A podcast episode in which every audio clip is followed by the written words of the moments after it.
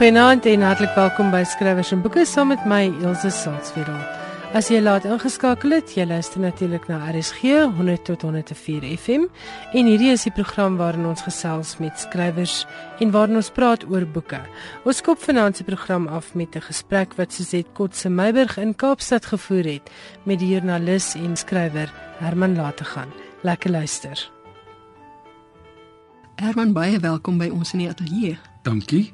Uh jy is die debutant met jou bundel met nog 'n vreemde titel, Binnekring van spookasems, heel enigmaties met 'n baie mooi subtitel, Stories oor die lewe.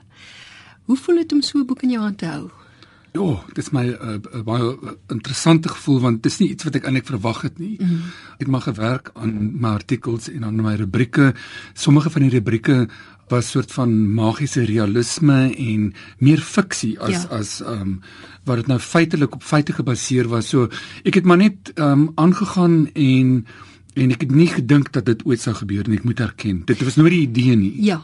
Hoe uh, kry mense dit reg om 'n uh, rubriekskrywer by rapport te raak? Dit is nogal 'n uh, jy weet 'n gerekende posisie. Jy skryf al jou rubriekwoorde wat wip sedert 2012, nie? Ja, ek dink van 2012 af. Man, dit het deur Facebook gebeur. Kan jy dit mhm. gebeur glo?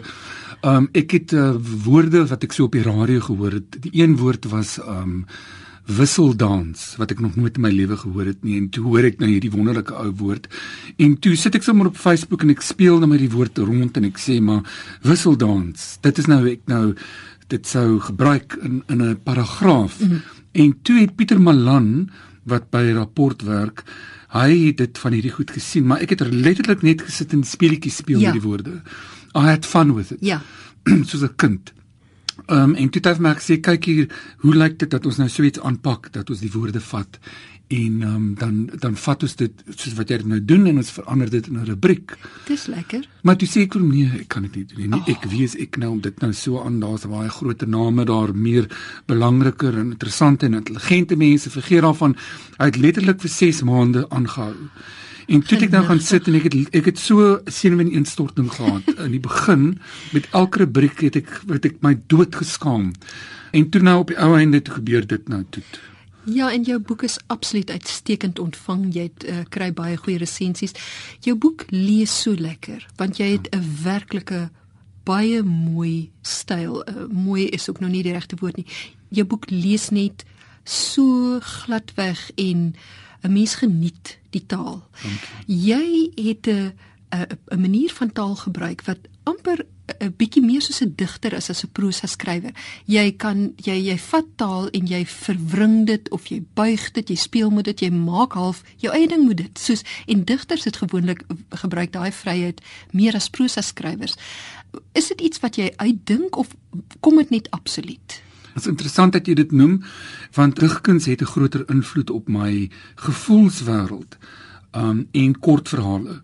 Natuurlik lees ek romans en so aan en ek is mal daaroor ook in in flieks en enige narratief.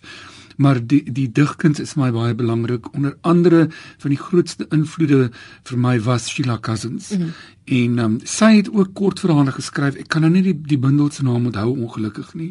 En dit het 'n groot invloed op my gehad want dit was baie um ekonomies geskryf, ja. baie digterlik. Elke woord wat ek gebruik bring 'n gevoelswêreld, 'n kleurwêreld in my op. Daar's 'n kleure timbre en en dit is hoekom ek dink dit dalk half ritmies is soos 'n soos 'n gedig. Ja. Nie almal nie, ja. maar van hulle is digterlik. Ek stem saam. Ek het die grootste agting natuurlik vir digters. Ja. Ek dink dat om 'n digter te wees is nou die die toppunt Dit van is. van kreatiwiteit en met taal omgang. Ja. Ek wens dat ek dat ek in daai kategorie kan val, maar maar ek verstaan wat jy bedoel. Daar is raakpunte. Um en dit is vir my letterlik 'n emosionele uitputtende ervaring baie keer. So skryf al lees jou werk so maklik, beteken dit jy skryf nie so maklik nie. Nee, ek skryf glad nie maklik nie. Nou to know. Um, want dit lees asof jy een ja. van daai mense is wat net gaan sit en skryf. Nee, is 'n nagmerrie. Dis 'n absolute nagmerrie en dit help natuurlik nie om 'n drama queen ook boonop nog te wees nie.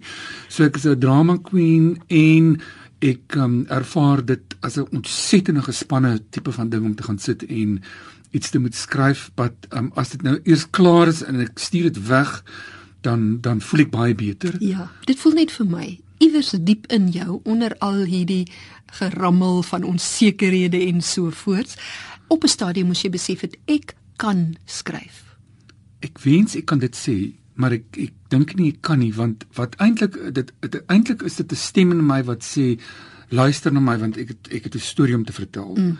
Um en dit gaan vir my meer oor die storie. Ja. Gaan hierdie storie 'n indruk maak op jou in in die sin van gaan jy iets voel as ek daai storie vir jou vertel. Mm. Nie dat ek jou wil beïndruk met die storie of sulks en sê, "Wow, kyk hoe wonderlik skryf ek nie." Maar as jy klaar is met die met die storie, dan wil ek hê jy moet iets voel. Ja. En ek vermoed dit kom van 'n enigste kind wees en ek was um klein en ek het gereeld gevoel asof mense nie na my luister nie. Ja. En dit het um, vir my en ek het van kleintyd af al gedink ek wens ek het meer woorde gehad om iets te beskryf. Ja. Om te kan sê hoe ek voel. Ja. En toe raak ek verslaaf aan woordeboeke van 'n vroeë ouderdom af. sê vir my wanneer is jou eerste skryfsel gepubliseer en waar?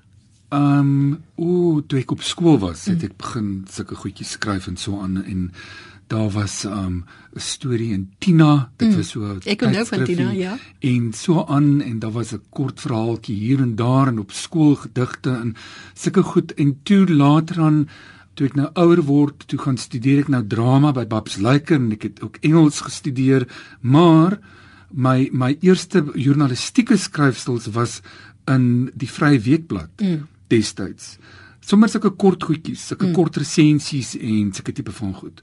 Ja, ek het jou naam vir die eerste keer opgelet Herman laat te gaan van Seepunt in briewe wat jy verbygeskryf het. Bloot lesersbriewe en en jou naam het my opgeval jou skryfstyl en ook jou standpunte. En daarna het ek jou artikels in by begin lees en toe nou uiteindelik uh, het jou rubriek ook gekom.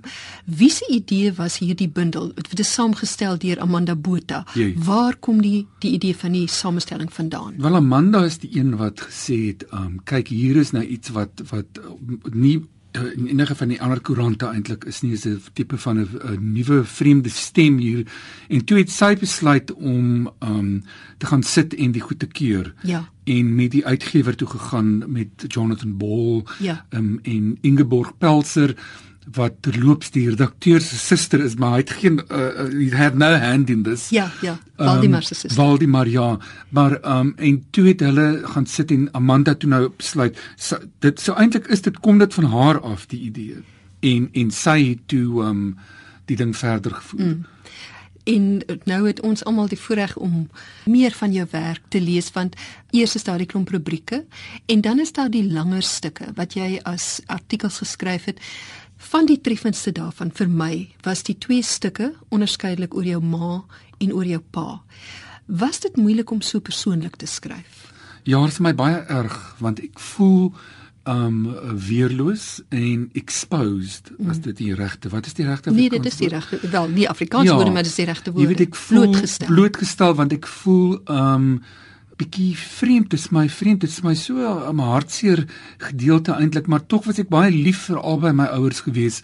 Op hulle vreemde manier was hulle vol foute gewees en het ek later in my lewe geleer hoe om hulle te vergewe en ek voel ook dat um deur hulle storie te vertel is daar raakpunte waar ander mense ook dan kan sien hulle kan identifiseer ja. met wat daai mense deurgegaan het. Ja. En dat ons almal maar flawed is soos ja. mense in Engels sê en dat um, ten spyte daarvan kan kan 'n mens baie lief wees vir iemand wat baie foute het en wat 'n mens dalk seer gemaak het en dat jy verby dit kyk en dan hoe ouer jy word um, hoe meer besef jy dat ons is maar eintlik maar baie weerloos. Ek is baie bly baie bly dat ek goeie herinneringe ja oor oor kan hou van my verlede en van mense wat my gevorm het. Ja.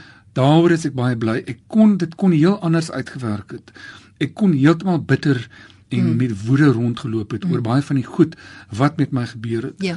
Maar in steede daarvan het ek besluit, nie besluit dit was nie 'n besluit wat ek geneem het nie, maar um, die, ek dink is Namakwaland het nog hulle invloed hier waar my ma vandaan kom, is dat ons kan nogal taamlik nostalgies raak. Ja, ek wil juis vra, jy noem ook in die boek uh, van hoe jy by jou ouma gaan kuier het vakansies by Loetswil toe jou ma nou later in haar lewe uh, getrou het en daar gewoon het.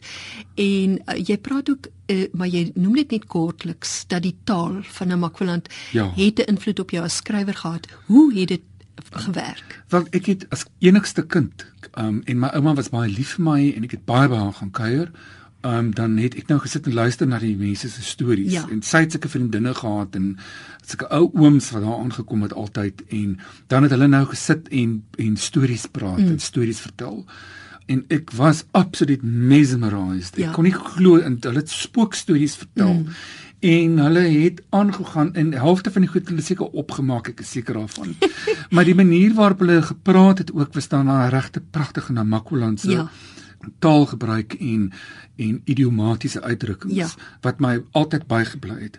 Ook later toe my ma terug is na Makoland toe en sy is toe nou getroud met hierdie boer, het ek met die plaaswerkers bevriend Mhm. geraak. Ek en sy en dan gereeld na hulle stories gaan sit en luister in die aande om die vuur en dit was weer ook 'n wonderlike ervaring en woorde wat bygedra het tot my vorming en en 'n atmosfeer rondom daai vuur wat ek nooit sal vergeet nie, wat ek altyd saam met my sal dra. Ek vind die Namakwaland se humor in sy stories ook in so en in sy storievertellers vreeslik onderbeklemtoon. Kurkdroog, ehm um, jy weet almal skater of iets is so snaaks, maar die verteller 'n trek skaars 'n spier. Het jy dit ook so gevind? Absoluut. En ek is mal daaroor, maar kyk, hulle kan natuurlik lekker vloek ook. nie. Ja.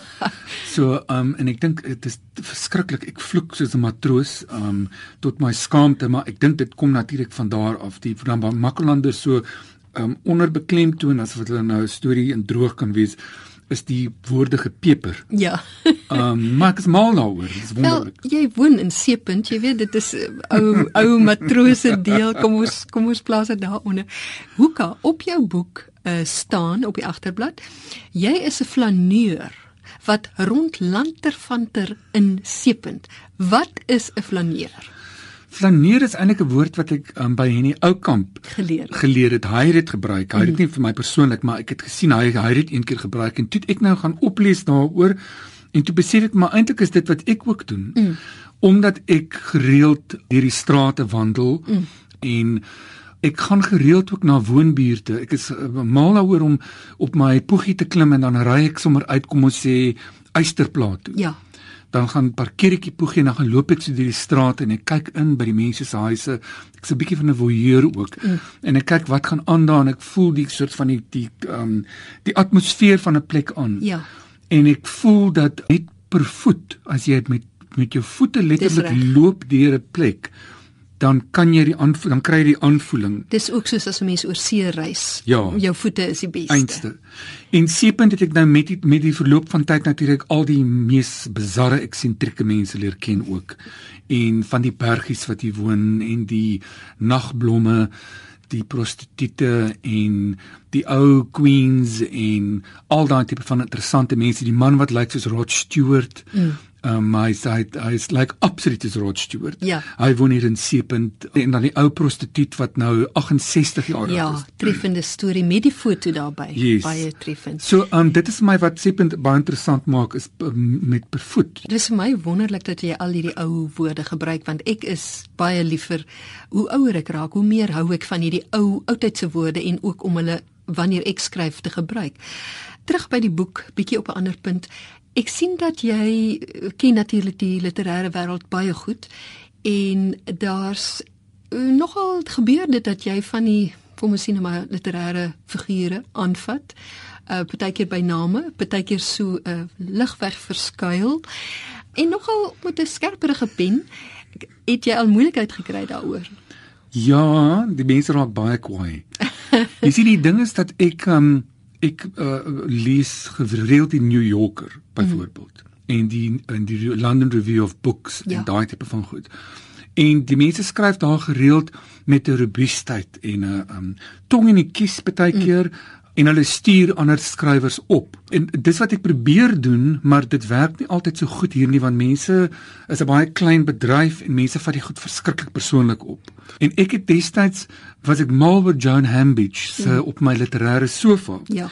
En ek mis daai tipe van stem. Sy's baie kalmer deesdae en ek verlang na haar na haar tipe van stem wat wat 'n she called a spade a spade op haar literêre strydros ja, daar. Ja, natuurlik en ek meen sy het natuurlik baie mense kwaad gemaak en woedend en so aan. Wat uh, oor see gaan dit baie erger. Mm. In New York, die goed wat mense daar vir mekaar sê, skrywers en so aan is absoluut ongelooflik. Hier sal jy nie daarmee kan wegkom. So ek het net een of twee keer daarmee soort van rond gespeel, maar ek het agtergekom dat uh, mense vind dit um, die woord wat iemand gebruik het was dis te tewerig en um en en soort van en dan kry ek sulke waaglike eposse van mense en toe dog ek ag ek het nie lus vir sulke goed nie. Ag daar tree ons enigste stryd ros met die pen toe nou terug. So om af te sluit. Ons gaan sekerlik nog 'n boek van jou sien. Ons moet, ons behoort. Dankie ja. Ons wil. Kyk hier maar ek meen dis harde werk en dis eensaam en dit betaal maar min, maar ja, daar is definitief 'n toneelstuk, 'n roman en 'n kinderverhaal wat ek in in die voordat ek nog dood gaan hopelik ek, ek wil net tot 60 lewe. So ek het maar min ek 10 jaar oor. Hoekom wil jy net tot 60? Nee, wat ek nou genoeg gehad. Die lewe is te uitputtend. so ek het 10 jaar om daai goed af te handel. As ek nou nie voor dan dood gaan nie, dan op 60 gaan ek 'n suicide bomber word en dan sommer so 'n paar mense loop uitvat. In die op die Afrikaanse literêre toneel ja, of ja. of uh, nou nie saam met die IS in die Midde-Ooste nie. Maar ek bedoel dit aan ek tong en kies net as dan mense wat ernstig dit opvat. Nee, ons is glad nie bang nie. Ons weet ons het 10 jaar grasie. Okay, Herman, dit was heerlik om met jou te gesels. Baie dankie. Baie dankie vir jou. Dit was Suzette Kotse Meiburg wat in Kaapstad gesels het met Herman Lategan. Hulle het gepraat oor sy boek Binnekring van Spookasems wat onlangs by Jonathan Ball Uitgewers verskyn het. Verlede week het ons hier op skrywers en boeke hulde gebring aan Andre P Brink met 'n pragtige huldeblyk wat saamgestel is deur Ina Strydom. Vanaand gesels Corina van der Spool met oudregter Albie Sags wat saam met Brink en ander 60ers groot geword het. Hy praat oor sy herinneringe aan Jack Cope, Ingrid Jonker, Eyskriege en natuurlik Andre P Brink. Hier is Corina van der Spool. Geniet die gesprek. I've got in the studio with me retired constitutional court judge Albie Sags. Hello Albie and very welcome here. Hi Corina. Albie, I've been wanting to speak with you for a very long time because I know you grew up in the Cape, in Clifton, and you had interactions and grew up really with the Sestigers. People like Ous Krieger, Jack Cope, Andre Brink, Ingrid Jonker. Can you tell us a little bit more about that time and what the nature was of your interactions? Well, let me start straight away with an important theme in my life. People often say to me, Albie, how is it that you introduced culture into politics? And I say, no, in fact, it was the other way around. And it's Ace Krieger who actually was the person who, to a very large extent, was responsible for the person who's today known as Albie Sachs. Uh, I'm a second year law student, or maybe the end of my first year. I'm 16, turning 17. I used to love reading poetry.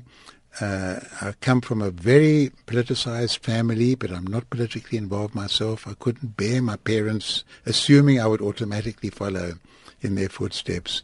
And my mom says, Albie, you must go and listen to a series of lectures being given by Ace.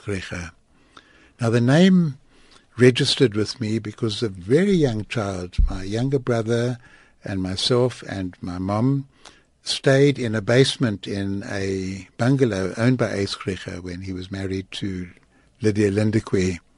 So this would have been the late 1930s, uh, early 1940s.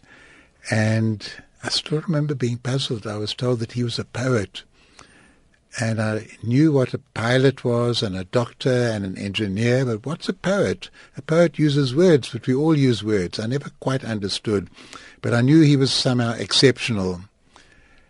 Any event, I go to the lecture, and it's on a Spanish poet called Federico Lorca. I didn't even know they had poets in Spain. I knew they had bullfighters, uh, poets in Spain. And Ace spoke for, I'd say, about three hours. It was a half hour lecture, but Ace never stopped. And he's speaking in English, Afrikaans, a bit of French, Spanish, and he's speaking about Lorca, who was the great poet and who was executed by the Franco-fascist forces, and the poem that was written about at five in the afternoon, a los cinco de la tarde, about his death. And I'd never heard a lecture presentation like that. And it did something very important for me. It linked up the intimate, the private, the, the yearning, the soulful that I'd had very, very strongly with the big public events. And two weeks later, I joined the Modern Youth Society, and six months later, I was sitting on a bench marked non-whites only. So it was culture that actually got me into politics. I didn't bring um, culture into politics. It that that was the connection that I needed. It came through Ace. Uh, the next week, he spoke on uh, Pablo Neruda. Now, you can imagine if I didn't know there were poets in Spain, in South America they had alligators instead of crocodiles. But Neruda, the poetry was about love and revolution and volcanoes, and it was all kind of mixed up in a way that existence and passion and justice and language uh, in a very, very powerful way that I'd never got from English literature, rhyming, uh, schemes and iambic pentameters and similes, and somehow the way we'd come through to English and English literature had always been uh, pedantic and and uh, uh, ex- extruded and got out. Even the great romantic poets like like Byron and, and Shelley and so on. Somehow the fact that they were political and engaged in the big events of their times never came through to us in any event, so I owed Krige a lot. So you heard Krige speaking, but you didn't have really a personal relationship with him yet. And this developed now. Well, I was a young picky at university then, and he was quite an important poet. Uh, so there was no no connection. Uh, I became quite friendly with Jack Cope, who afterwards like set up house with Ace and they did lots of literary work together and uh, became very involved with the Sestigers movement. Uh, so I got to know Ace really through through Jack Cope on, on a personal basis. But in 1966, very very very hard year for me, very hard year. I'm second time in solitary confinement. Uh, there's a torture by sleep deprivation I cracked to a certain extent. It was totally humiliating. Water being poured on me. I collapse on the floor. I'm really totally, totally undignified. And I see the shoes, the black shoes, the white shoes. And I'm hearing Afrikaans spoken, but not in the beautiful Eiskriche way, but, you know, what they must do with me.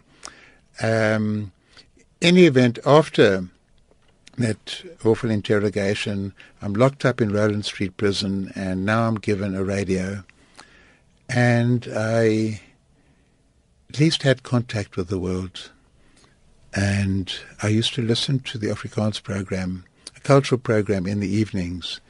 There was something about the voice that I liked. Always uh, sachis, soft, gentle voices uh, with a great love and respect for culture that I didn't get from the English programs that were always more nervy and, and, and, and sharp. I don't know why. I enjoyed just listening to it. And one evening they mentioned, and now we have great pleasure and joy in Afrikaans, uh, is going to speak. And they'd set aside 15 minutes for him. He spoke for 30 minutes. They rearranged the program uh, just for him.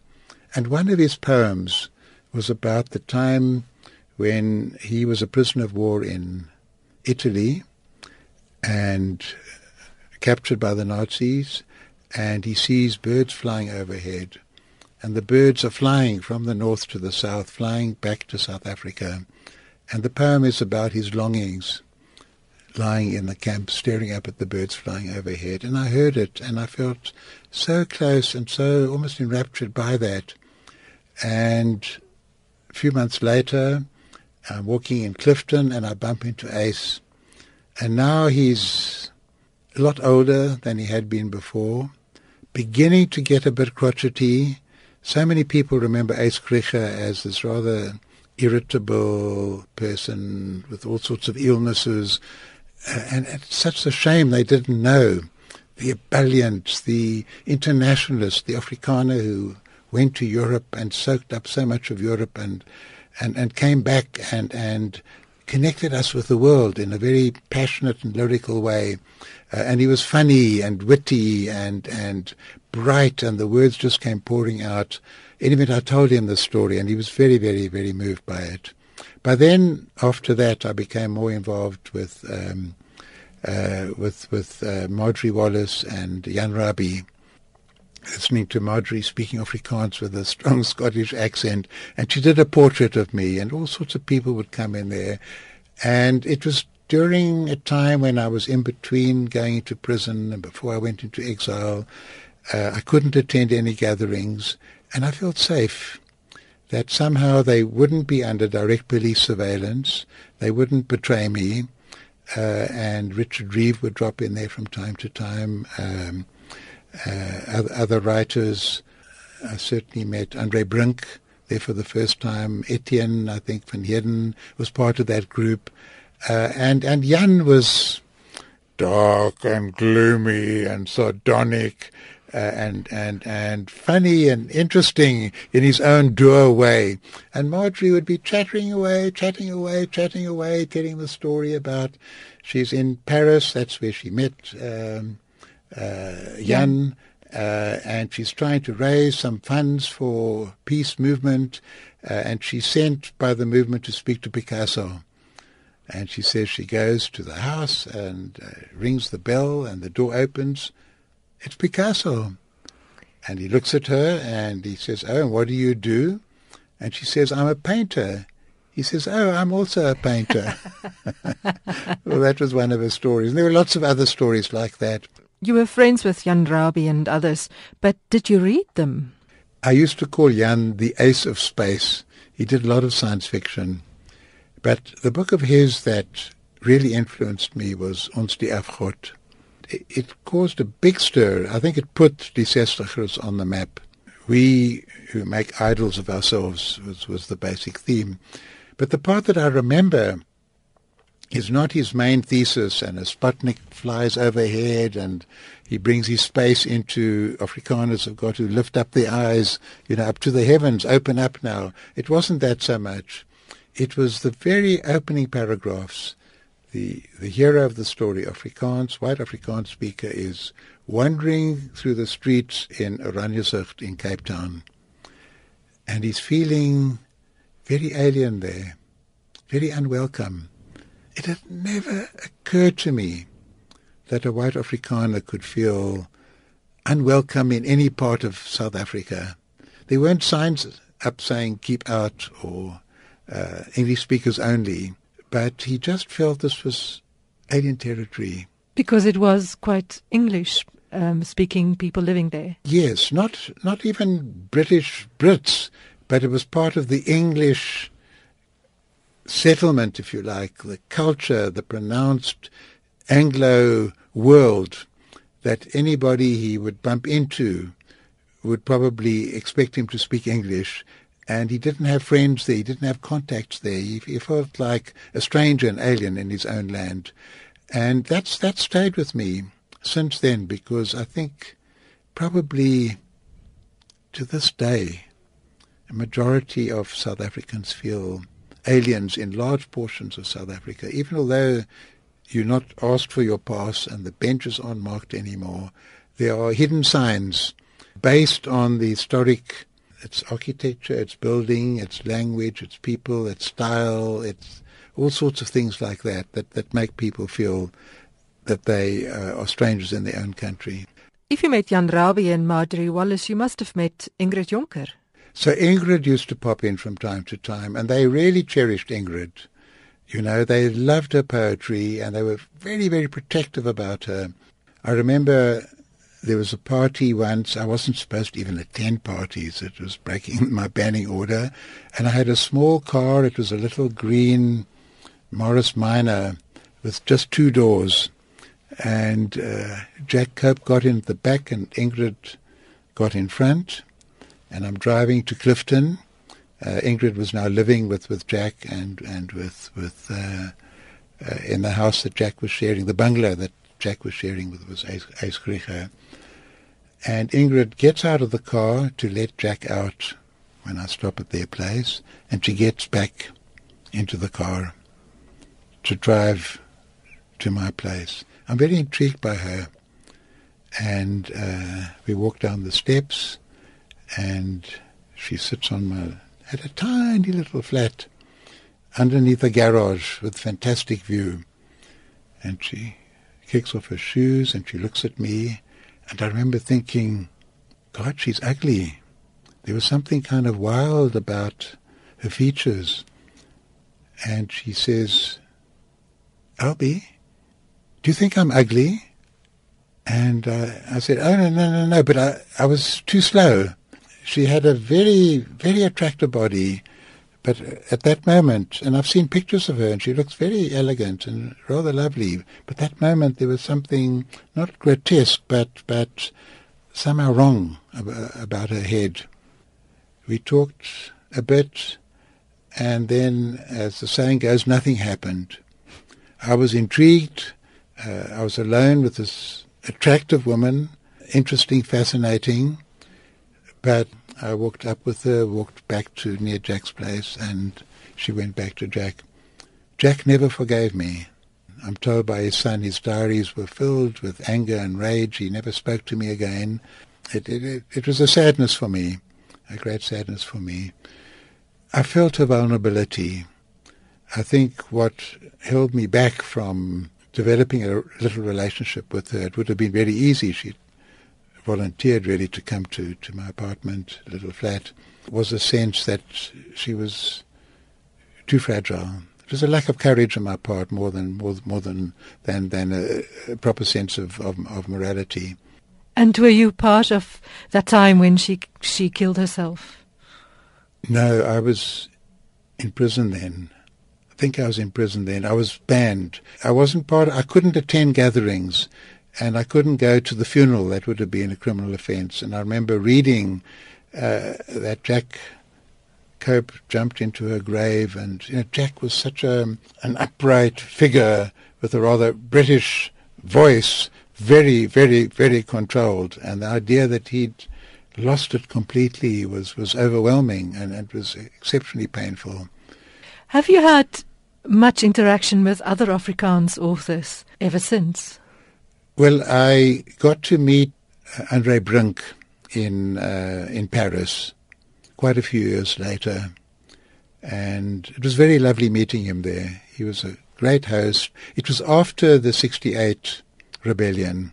It was August, and even the revolution in Paris goes on holiday for the August holidays, and the slogans were painted up still on the walls and he introduced us to a favorite place where you got marvelous food and so on. We, we were chatting. Uh, and it was interesting that he had a, a freedom uh, and a verve and a revolutionary spirit in Paris that he never had in South Africa, or hadn't until then. And he couldn't get through London, which was British and English. And Brayton I only got to meet many, many years later. And Brayton and I have a very special friendship it, it's rare.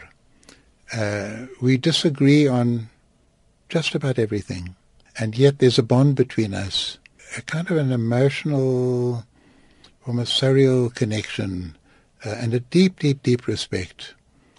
Uh, he is gloomy, where I am bright. In my connection with the world, with politics, with people, with things, and his gloom comes out in often rapturous form, fantastic language, and with great eloquence, and, and, and he produces. Uh, it, it, doesn't render him immobile. Uh, it's a gloom that in many respects is very productive. we just connect up. We, we, we trust each other in, in, in quite a deep way. Uh, we don't debate and argue over many things. We, we just smile at each other. En so klink oudregter Albie Sags. Corina van der Spool het met hom gesels. Johan Meiburg is nou by my in die ateljee en hy vertel onder meer 'n bietjie meer oor die ding wat die hele boekewêreld aan die gons het. Harper Lee se tweede roman. Harper Lee is natuurlik die skrywer van die baie bekende To Kill a Mockingbird. Hy het ook nuus oor 'n nuwe boek uit die pen van Milan Kundera, 'n digter wat onlangs oorlede is en 'n paar letterkundige feeste en pryse. Hier is Johan Meiburg. 'n Enkele verhaal skep stereotypes en die probleem met stereotypes is nie dat dit onwaar is nie, maar wel onvolledig. Stereotypes lei daartoe dat een verhaal die enigste verhaal word. Dis die mening van Chimamanda Ngozi Adichie, Nigeriese skrywer van onder meer Americana wat in 2013 deur The New York Times beskryf is as een van die beste 10 boeke wat daardie jaar gepubliseer is. Adichie is ook die samesteller van die Afrika program op vanjaar se Pen World Voices Festival of International Literature. Die fees waaraan meer as 100 skrywers van 30 lande deelneem, word van 14 tot 10 Mei in New York aangebied. Die eerste skrywer kom toe Bean wat pas die feesvoorsitterskap by Salman Rushdie oorgeneem het, het Adichie se sentiment benadruk toe hy in 'n onderhoud met The New York Times gesê het en ek haal hom aan daar gebeur kultuurgewys so baie in Afrika waarvan 'n mens nie weet nie. Afrika is so groot plek en daar's verskille tussen Kenia en Nigerië, tussen Somalië en Suid-Afrika. Nou, ek het hierdie luiskrywers gekam en kon nie op 'n enkele Suid-Afrikaans gebore skrywer afkom wat aan die fees deelneem nie. Afrika en die diaspora kom by verskeie besprekingsgeleenthede ter sprake onder meer twee waaraan wits akademici deelneem.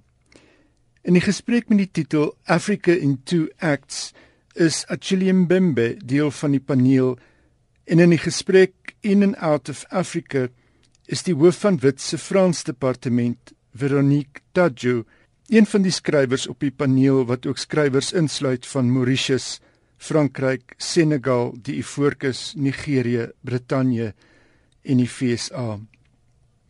Die fees wat aangebied word deur Pen America word afgesluit met die Arthur Miller Freedom to Write lesing. Die word vanjaar gelewer deur Adichie. Die lesing dra die naam van die voormalige Pen-president en kampvegter vir vryheid van uitdrukking.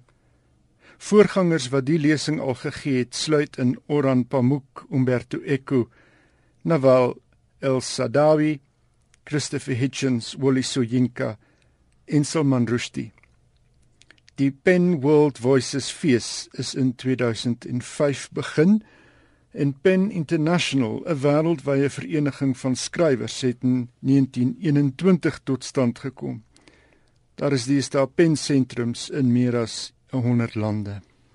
Dis tog baie vreemd dat daar nie 'n Suid-Afrikaans gebore skrywer is nie. Ons het van die beste skrywers ter wêreld. Ek hoop ek het misgekyk, maar ek is ek is meer as een keer daardeur. Jan, baie dankie daarvoor. Wat is volgende op jou lys? Die gesogte prys der Nederlandse lettere is pas toegekend aan die Nederlandse digter Remko Kampert. Die 86-jarige Kampert ontvang die prys met 'n geldwaarde van sowat 535 000 rand in Oktober van die Belgiese monarg koning Philip Die prys der Nederlandse letterkunde word elke 3 jaar toegekend vir Nederlandse skryfwerk gelewer deur skrywers van Nederland, België en sedert 2005 ook Suriname. Die prys word gereken as die belangrikste in die Nederlandstalige wêreld en word alom die beurt oorhandig deur die Nederlandse en Belgiese koning. In 'n verklaring het die Taalunie, die liggaam wat die prys toeken, Kampert uitgesonder vir die ligtheid wat hy na die Nederlandse letterkunde bring. Verder is gesê dat hy in sy werk steeds relativerend en geestig is en daarmee verskillende generasies aanspreek. By Kampert sit die diepsinnigheid aan die oppervlak. Hy kan onverbloemd oor geluk skryf, maar val nooit vas in klisjées. Sedert die 1950s het Kampert 'n indrukwekkende oeuvre opgebou, bestaande uit gedigte, kortverhale, romans en koerantrubrieke. Na die verwoesting van die Tweede Wêreldoorlog het Kampert saam met Rudy Kousbroek in 1949 'n eksperimentele poesieblad Braak begin. Onder sy vriende het getel die skrywers Lucebert Hugo Claus en die skilder Karel Appel. In 1951 het Kampert se debuut Vogels vliegendtog verskyn. Met sy 4de digbundel Bergtesgaden van 1953 het hy die Reina Prinsengeringprys verower en in 1956 het hy met twee bundels met man en muis en het huis waarin ek woonde die Jan Kampertprys ingepalm. In 1976 is die PC Hoofprys Nederland se grootste oeuvreprys aan hom toegekend. Kampert skryf sedert 2009 'n weeklikse rubriek in die Nederlandse Volkskrant. En dan iets oor die boek waarna die hele wêreld uitsien. Daar was onlangs groot opgewondenheid toe dit bekend geword het dat Go Set a Watchman van Harper Lee nou uitgegee gaan word in Suid-Afrika deur Penguin Random House. Lee, sy is 88, bekend vir haar To Kill a Mockingbird, het in 1960 die Pulitzerprys gewen. Sy het Go Set a Watchman in die middel 1950s met ander woorde voor To Kill a Mockingbird geskryf. Haar uitgewer het haar destyds aangeraai om 'n ander boek te skryf gefokus op die protagonis Scout.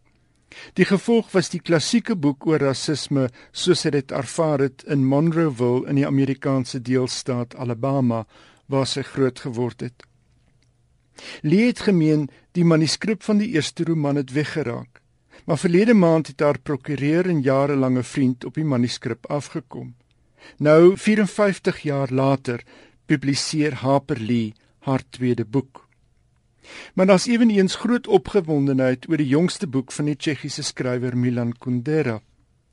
Na 'n stilte van 13 jaar, dis nou nadat Ignorance in 2002 verskyn het, verskyn Kundera se jongste roman in Engels as Festival of Insignificance.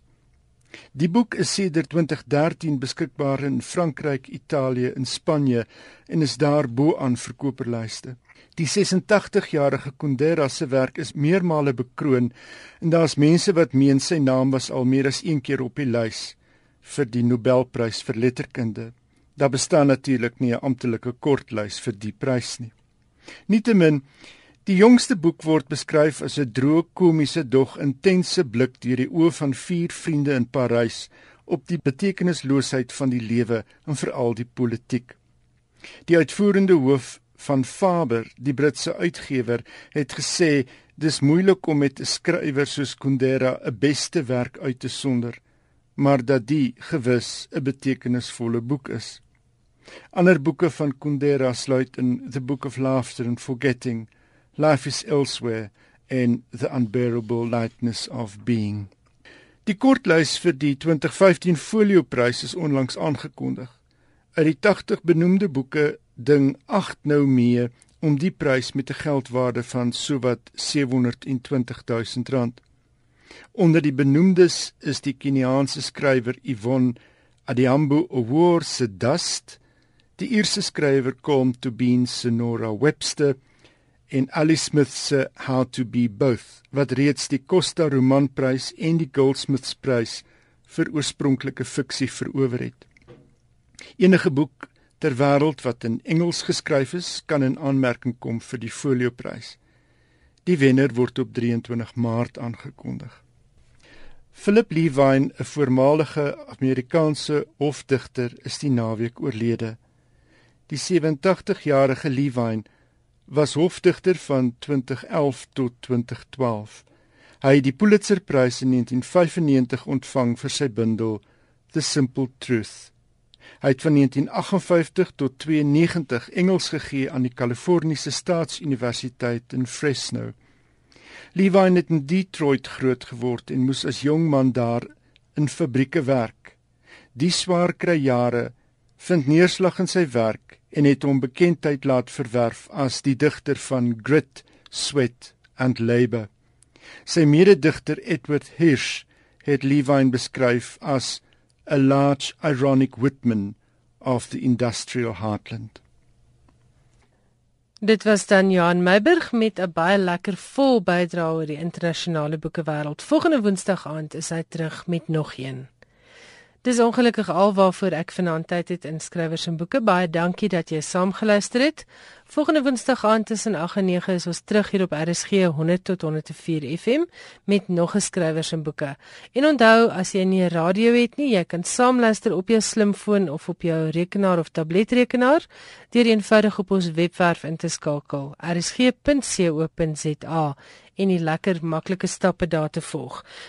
Onthou ook, vanaand se program is soos al die ander skrywers en boeke beskikbaar as 'n potgooi ook op ons webwerf by rsg.co.za. Klik eenvoudig onder potgooi en tik skrywers en boeke in en dan is daar die hele lys. So jy kan dit baie lekker gebruik by leeskring by einkomste of selfs in klassituasies. As jy 'n e-pos wil stuur, die adres is skrywers As jy 'n SMS wil stuur, die nommer is 3343 en elke SMS kos R1.50.